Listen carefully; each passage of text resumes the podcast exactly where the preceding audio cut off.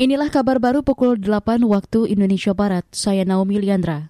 Kementerian Kesehatan Kemenkes meluncurkan program Satu Sehat di Jakarta kemarin. Satu Sehat adalah program layanan kesehatan Indonesia atau Indonesia Health Service IHS yang sudah sesuai standar dan terintegrasi data layanan kesehatan nasional. Menteri Kesehatan Budi Gunadi Sadikin mengatakan Satu Sehat adalah salah satu upaya Kemenkes mengubah layanan kesehatan melalui digitalisasi. Program ini mendukung penggabungan antara aplikasi dan fasilitas layanan kesehatan Fashiankes. Menurut Menkes, dengan platform ini pasien tak perlu mengisi formulir baru saat berpindah Fashiankes. Selain itu, pasien bisa mendapat informasi mengenai kesehatannya dengan lebih transparan. Sebab ringkasan rekam medis di rumah sakit telah dicatat dan direkam secara digital dengan aman atas persetujuan pemilik data. Kemenkes mengklaim platform ini dibuat melalui proses panjang. Kini ada 16 Fashiankes yang tergabung dengan Satu Sehat 10 di antaranya rumah sakit daerah di Jakarta dan 4 rumah sakit milik Kemenkes yang menjadi peserta tes tahap pertama. Pembuat konten digital atau konten creator dapat mengajukan kredit ke lembaga keuangan atau pembiayaan.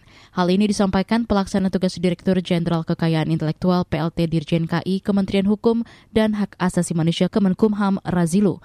Kata dia, aturan itu berdasarkan peraturan pemerintah tentang ekonomi kreatif yang diteken pada 12 Juli 2022 kalau kita melihat dari mekanisme skema pembiayaan yang akan diperoleh, itu syarat yang paling utama harus punya sertifikat. Ketika konten YouTube nggak punya sertifikat, ya berdasarkan skema ini, menurut tema saya akan menjadi persoalan. Karena itu syarat utama. Pasti akan diverifikasi oleh lembaga penjamin atau lembaga keuangan. You punya sertifikat KI nggak? Jadi sebelum masuk di konten YouTube, dapatkan dulu sertifikat intelektual. Itu yang paling tepat. Kalau nggak mendapatkan sertifikat intelektual, pasti akan menjadi problem besar.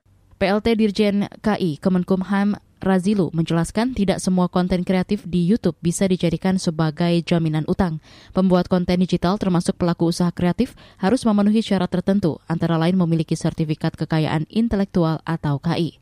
KI diharapkan dapat menjadi stimulus bagi perkembangan ekosistem ekonomi kreatif di Indonesia.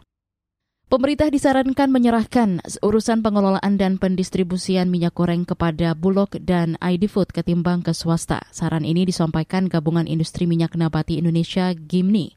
Alasannya menurut Direktur Eksekutif GIMNI, Sahat Sinaga, hanya dengan cara tersebut yang bisa menjamin pasokan minyak goreng dalam negeri akan selalu aman. Sekarang kebetulan harga murah, jadi tidak ada distorsi disparitas harga. Begitu harga CPO nanti tinggi, nggak mungkinlah orang menjual dengan harga di bawah. Dan kalau harga di bawah dijual terjadi disparitas harga. Selisih harga antara komersial dengan harga eceran tertinggi yang dipatok pemerintah. Konsekuensinya apa? Terjadilah pasar gelap di tengah jalan dan selama ini tidak bisa swasta mengatasi itu. Maka kami usulkan itu ditangani pemerintah. Direktur Eksekutif Gimni, Sahat Sinaga.